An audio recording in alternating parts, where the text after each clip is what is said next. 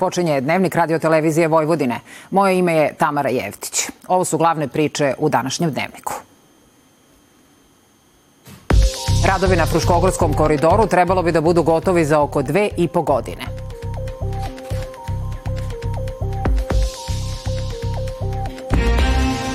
U Japanu za samo 90 sekundi je evakuisano 400 osoba iz zapaljenog aviona.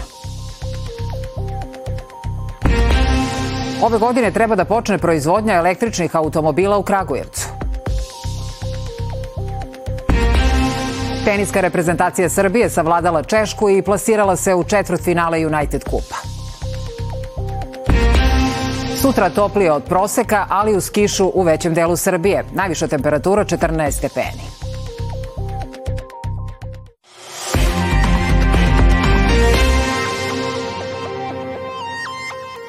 Iako je neradni dan, za neke nema odmora. Među njima su i graditelji Fruškogorskog koridora, ali i predsednik Srbije koji je danas posetio gradilište koridora koji će spajati Novi Sad i Rumu. Radovi bi trebalo da budu gotovi polovinom 2026. Dok većina Srbije ovih dana praznuje, radovi na probijanju tunela i Riški venac na Fruškogorskom koridoru nestaju. Sve ide i bolje od planirane dinamike, a kako kaže predsednik Srbije, čitav koridor dužine 47,7 km biće završen za oko dve i po godine. Tunel ispod Iriškog venca građevinski je najzahtevnija tačka na čitavom Fruškogorskom koridoru. Biće dugo oko 3,5 km i biće najduži tunel u Srbiji. Na izgradnji puteva mnogo se radi u čitavoj zemlji, kaže Vučić, i dodaje da po prvi put Vojvodina dobija najviše kilometara autoputeva i brzih saobraćajnica. Ove godine ćemo otvoriti 167 km autoputeva i brzih saobraćajnica. Da biste razumeli koliko je to i kakav je to značaj, to vam je kada računate prosečnu cenu kilometra autoputa danas, posebno što tu imamo i deo oko Požege oni, ili Fruškogorskog koridora ili nekih drugih koji su vrlo teški, to vam je gotovo 2 milijarde ili ne manje od 2 milijarde, ali u evrima. Samo ove godine 2 milijarde evra će biti u vrednosti od 2 milijarde evra završenih autoputeva i brzih saobraćajnica. Predsednik je građanima poželao srećnu novu godinu, najavljujući između ostalog i konstantno povećanje plata i penzija. Sredinom 2025. godine prosečna plata u Srbiji biće 1000 evra. Ja verujem da je to nešto što su generacije sanjale, da ćemo uspeti u tome, da će inflacija da bude spuštena na nivo od 3%, da ćemo takođe deficit dalje da spuštimo, ako je deficit 2,2, 2,3% mnogo niži od predviđenog, tako da sam baš zadovoljan po tom pitanju. Ipak, sve što se gradi, kako kaže, besmisleno je ako Srbija nema dece. Mi smo vrlo loši po pitanju prirodnog priraštaja, ali manje loši od drugih u regionu po prvi put u istoriji. Taj trend moramo da nastavimo i moramo da podignemo stopu fertiliteta na 1,75, to je sledeći cilj, imali smo 1,48 pre 10-11 godina, danas je 1,63, moramo da podižemo na 1,75, ako uopšte mislimo da Srbija opstane. Ne znam zbog koga sve ovo gradimo. Neće imati ko da nas nasledi. Ne umire svet kada mi odemo sa ovog sveta. Govoreći o izborima, Vučić kaže da su oni stvar državnih organa i ističe da nikada manje prigovora nije bilo nego na ovim izborima. Očekuje da će RIK uskoro konstatovati rezultate u skladu sa zakonom, nakon čega će, poručuje, uslediti formiranje Narodne skupštine, a potom i konsultacije oko formiranja vlade.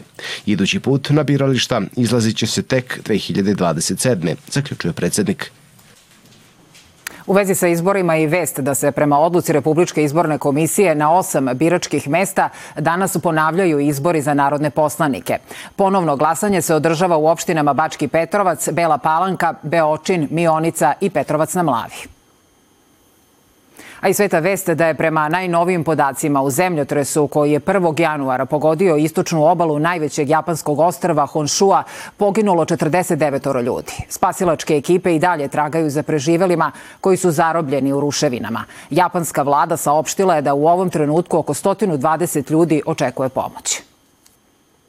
Brzom reakcijom posade veća tragedija izbegnuta je u Japanu dan nakon razornog zemljotresa. Čak 400 putnika i članova posade japanskog aviona koji se zapalio prilikom sletanja na tokijski aerodrom uspelo je da se evakuiše za svega 90 sekundi pre nego što je plamen progutao trup letelice. Avion kompanije Japan Airlines zapalio se tokom sletanja na aerodrom Haneda u Tokiju. Kompanija je saopštila da je prilikom sletanja avion udario u letelicu japanske obalske straže. Nažalost, svih pet članova posade obalske straže je poginulo. Glavna priča iz sveta i danas ipak dolazi iz Gaze. Izraelske odbrambene snage tamo proširuju kopnenu ofanzivu južno od grada Gaze. Nova žarišta ponovo su otvorena u Siriji i Libanu kao odgovor na jučerašnje napade na sever Izraela. U Gazi je umeđu vremenu od početka sukoba 7. oktobra ubijeno više od 22.000 palestinaca. Među njima je i porodica Abu Slejmina. Njegova kuća u Rafi pogođena je u oktobru prošle godine, ubivši Abinu suprugu, šestoro dece i dvoje unučadi. Kao jedini preživjeli podigao je šator na ruševinama, želeći da ostane blizu porodice čije su tela i dalje zakopane pod ruševinama. Voleo bih da sam umro sa njima. Voleo bih da nije bilo četiri ili pet minuta između njihove smrti i mog dolaska. To bi bilo bolje nego da živim ovako. Njegova priča nije jedina. S prvim danima nove godine intenzivirani su izraelski udari dužen glave. Paralelno, izraelski vlasti rade na povratku naseljeničkih zajednica severno od Gaze. U skladu sa preporukama vlade i od brambenog establishmenta, uskoro ćemo moći da vratimo raseljene zajednice kućama i to od 4 do 7 kilometara severno od pojasa Gaze. To pak ne znači da je u Izraelu mirno, posebno ne nakon što je prvog dana 2024. Vrhovni sud Izraela poništio sporni zakon u okviru reforme pravosuđa, koju je usvojila vlada premijera Benjamina Netanyahua. Zakon koji je pre rata izazvao proteste širom Izraela, sprečavao je sudove da poništavaju odluke vlade i ministera. Mislim da Viši sud pravde treba da poštuje odluke vlasti koja je demokratski izabrana i da nema razloga da se meša. Veoma sam srećan zbog odluke, jer za mene to znači da je demokratija i dalje netaknuta i da vlada predstavlja sve ljude, a ne samo one koji su pobedili na jučerašnjim izborima. Ova odluka Vrhovnog suda je uvod u ogroman građanski rat koji će se odigrati ovde, jer je pitanje ko uzurpira vlast u zemlji. A ništa mirnije i dalje nisu ni reakcije podeljenog sveta, dok pojedine države i Ujedinjene nacije pozivaju na hitno primirje. Turske vlasti privele su 33 osobe osumnjičene da su špionirale za izraelsku obaveštenu službu Mossad, dodajući da policija traga za još 13 osoba. Vraćamo se dešavanjima u našoj zemlji. U 2024. godini očekuje se realizacija dugo najavljivane proizvodnje Stellantisovih električnih automobila u Srbiji. Procene su da će se polovinom godine u Kragujevcu predstaviti novi model automobila na struju koji još nema zvanični naziv. Ali ono što se zna jeste da će u proizvodnji biti angažovano novih hiljadu radnika i brojna preduzeća koja će indirektno učestvovati u njoj, a čime će se prstenovi proizvodnje proširiti i izvan Kragujevca. Pripreme za proizvodnju Stellantisovih električnih automobila u Kragujevcu su uveliko otpočele, radnici se obučavaju, a u pogon se dovoze nove mašine i oprema. Zaposleni očekuju da će već sredinom 2024. godine prvi modeli automobila sići sa proizvodnih traka. Automobil koji mi radimo je nešto zaista novo. Prvo, to je potpuno električan automobil i to je e, jedan automobil koji će zaista za neki naredni period koji e, se bude proizvodio i bude prodavao, apsolutno biti zaista nešto što će biti po svim mogućim kriterijima novog standarda proizvodnje automobila u svetu. Kragujevac ima dugu tradiciju automobilske industrije, a novi korak u ovoj proizvodnji odrazit će se i na ekonomiju kako grada, tako i regiona Šumadije. Ove godine ja mislim da imamo negde blizu pola milijarde spoljno-trgovinskog suficita, znači da smo za toliki negde iznos oko 450 miliona evra više izvezli praktično nego uvezli, a taj će broj da doživi ozbiljan skok sa novim modelom koji će se proizvoditi u Kragujevcu iz Kragujevca izvoziti u zemlje širom sveta. Ja očekujem da ovaj novi model, s obzirom da se radi o malom gradskom praktičnom automobilu, će postići veći uspeh nego prethodni model, samim tim i veći efekat na ekonomiju i Srbije i Šumadije i grada Kragujevca. 2012. godine na tržište je izašao poslednji model iz Kragujevca, automobil Fiat 500L. Iako tada nije bio toliko vidljiv na ulicama grada, danas ga građani voze, a takve su procene da će biti i sa električnim automobilima. Automobilska industrija obeležila je 20. vek u Kragujevcu, a zastava 750 auto u narodu poznat kao Fića postoje simbol grada. Ipak, vreme će pokazati da li će 21. vek obeležiti proizvodnja električnih automobila i da li će time grad na Lepenici dobiti novi simbol. Za radio televiziju Vojvodine iz Kragujevca, Ana Rebić. A niška kompanija City and Me, koja posluje u okviru Naučno-tehnološkog parka, pokrenula je istoimenu aplikaciju koja pređene kilometre, pešice ili biciklom, kao i prikupljanje elektronskog otpada za reciklažu, nagrađuje virtuelnom monetom tokenima. Ideja je da se građani motivišu za brigu o životnoj sredini nagrađivanjem odgovornog ponašanja. Aplikaciju City and Me može da koristi svako. Tokene dobijaju oni koji praktikuju ekološki odgovorno ponašanje, a njime mogu da plate kafu u određenim restoranima, da kupe kartu za pozorište, umanje komunalne obaveze, ali i da plate sadnicu drveta koje će posaditi u lokalnom parku. City Me predstavlja jednu gradsku platformu koja nagrađuje građane Niša kada šetaju, voze biciklu ili recikliraju gradskim tokenom na njihovim mobilnim telefonima koji mogu da iskoriste u zamenu za neku nagradu, smanjenje komunalnih obaveza ili popuste kod izabranih partnera na lokalu. City and Me nije samo aplikacija za nagrađivanje, ona je i pokretač promena. Polazeći od sebe lično, korisnici pomažu i čitavu zajednicu. Obzirom da sam rešila da vodim malo više računa o svom zdravlju, te sam u vezi sa tim počela da pešačim ovaj, svakog dana, City Me aplikacija mi je omogućila da svoje korake unovčim, te sam za sada jedan token iskoristila za stablo koje je verovatno već i zasađeno, a ovom prilikom evo na jednu lepu kaficu. Plaćanje tokenom je jednostavno, potrebno je samo imati mobilni telefon. Isto je kao i plaćanje karticom, kao i plaćanje kešom. Mislim da nema ni, niti je teže, niti je lakše. Mislim da je isto, no ljudi koji plaćaju tokenom nekako ima ta neka druga atmosfera plaćanja. Aplikacija omogućava prijavu problema na lokalnom nivou direktno nadležnim institucijama, kao i učestvovanje u gradskim anketama i oblikovanju budućnosti grada. U Nišu je za samo dva meseca primjene stekla 6000 korisnika. Tokom ove godine planirano je širenje i u ostalim većim i manjim gradovima Srbije. Da je korak u budućnost kada su proizvodi srpske pameti u pitanju siguran u humanoidnoj robotici, dokazuju mladi inovatori iz Regionalnog centra za talentovanu decu za robotiku u Ivanjici, koji svojim izumima pomeraju granice. Jedan od najnovijih jesu naočare za slepa i slabovida lica napravljene uz pomoć veštačke inteligencije. Da srpska pamet u svetu humanoidne robotike pomera granice potvrđuje prvi prototip naočara za slepe i slabovida lica, koje rade uz pomoć veštačke inteligencije, a koje je mladi inovator Ivan Topalović konstruisao zajedno sa svojom mentorkom. Koriste dva ultrazvučna senzora, posjeduju dva zvučnika, posjeduju takođe matičnu, matičnu ploču, rade s pomoću JavaScript i C++ programa.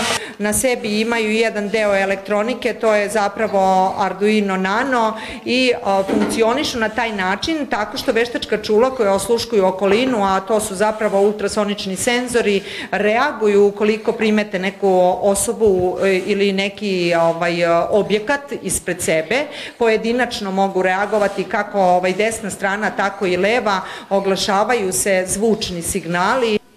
Da je ispred mladih inovatora i tekako svetla budućnost u oblasti robotike i veštačke inteligencije potvrđuju i dosadašnji izumi koji su, zahvaljujući podršci mentora, i tekako vidljivi i primenljivi. Moj projekat je automatizovani bezbednostni sistem radar. On e, radi zahvaljujući veštačkim čulma i veštačkoj inteligenciji. Šla sam na narodno takmičenje Inova u Zagrebu. Na takmičenju sam predstavljala robota LO, hologram i M-botove. Moj patent je ova elektromagnet e, robotska ruka. E, ona može da služi u raznim industrijama kao što su metalni otpad i autoindustrije zato što mnogo su ljudi povređeni na takvim poslovima, jer metali su dosta teški i teško ih je pomerati, tako da ovaj elektromagnet kad se spusti na neki metalni predmet ili objekat, on se uključi, privuče ga ka sebi i podigne ga i prenese ga s jednog mesta na drugo. Bot programiran je u Make bloku, on ima svoje senzori, mi smo ga programirali da mi smo ga programirali da kada naiđe na prepreku, kao što možete vidite, kao što možete vidite da se okrene. Korak u budućnost, kada su inovacije u oblasti robotike u pitanju je siguran, jer su mladi inovatori svojim izumima već pomerili granice i dokazali da veštačka inteligencija se može iskoristiti na human način za dobrobit čovečanstva. Iako sitnim koracima, inovacije su ušle i u domaće zdravstvo.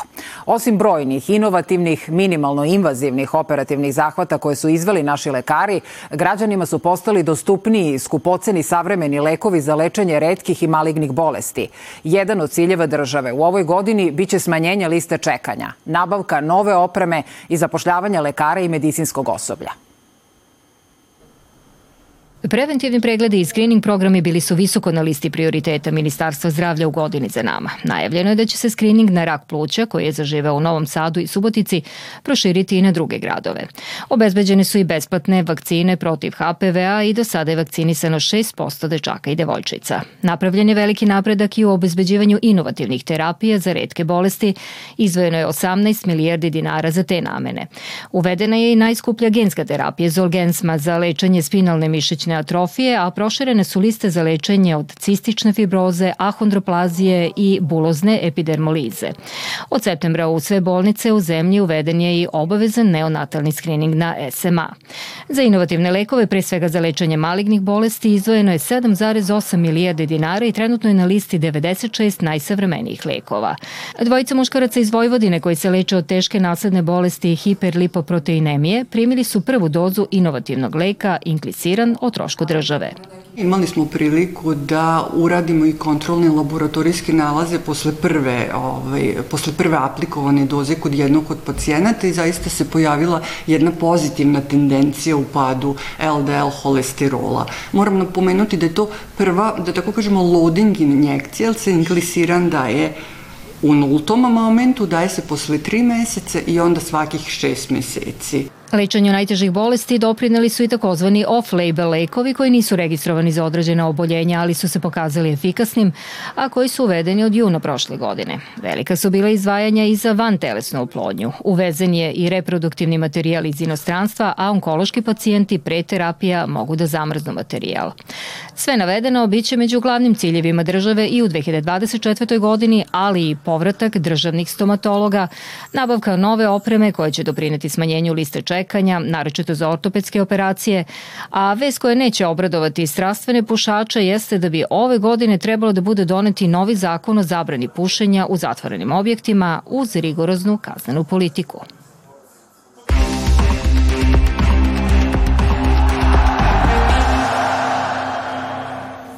Dulo je uspeh za tenisku reprezentaciju Srbije. Jeste, opet je bilo teško kao i u prvom kolu, ali opet smo pobedili. Teniska reprezentacija Srbije savladala je Češku sa 2-1 i plasirala se u četvrt finale United Kupa. Poveli su Česi jer je Vondrušova savladala Danilovićevu, ali je Novak Đoković izjednačio pobedivši Jiržija Lehečku. Odlučujući poen za naš tim osvojili su Olga Danilović i Hamad Međedović u miksu, koji su posle preokreta pobedili češku kombinaciju Kolodjeva Nouza. Srbija će u četvrtfinalu sutra u 10 časova igrati sa Australijom.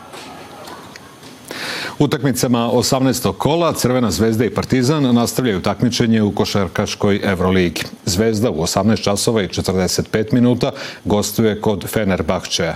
Fener je šesti na tabeli sa 10 pobjeda i 7 poraza, dok su crveno-beli 15. sa 6 triumfa uz 11 izgubljenih mečeva. Partizan dočekuje ekipu Asfela. Francuzi su poslednji na tabeli, pa je ovo sjajna prilika za crno-bele da ostvare desetu pobedu u takmičenju. Utakmica počinje 20 časova i 45 minuta. Kvalifikacijama u Innsbrucku nastavlja se takmičenje na novogodišnjoj turneji četiri skakaonice. Juče je u Garmišu pobedio slovenac Anžej Lanišek, drugi je bio Japanac Kobayashi, a treći Nemac Wellinger. Andras Wellinger slavio je na prvoj stanici turneje u Obersdorfu, pa je prvi u generalnom plasmanu, ispred Kobayashija i Austrijanca Krafta. Posle današnjih kvalifikacija sutra je na programu radmetanje u Innsbrucku, a turneja će biti završena 6. januara skokovima u Bišovskofinu. Eto u nastavku dana navijamo za naše košarkaše za Zvezdu i Partizan. Hvala Dule na svim ovim informacijama. Prema projekcijama Hidrometeorološkog zavoda Srbije i javnog preduzeća Vode Vojvodine, danas se očekuje pad vodostaja Dunava zbog kojeg su popavljena brojna mesta blizu te reke. Prvobitno očekivanje bilo je da će u Novom Sadu do danas nivo Dunava porasti do 610 cm. Međutim, to ipak nije slučaj. Vodostaj u Mađarskoj opada, zbog čega vrh talasa prolazi kroz Vojvodinu. A sutra kiša u većini predela Srbije, ali i dalje toplo za ovo doba godine. Najviša temperatura 14 stepeni.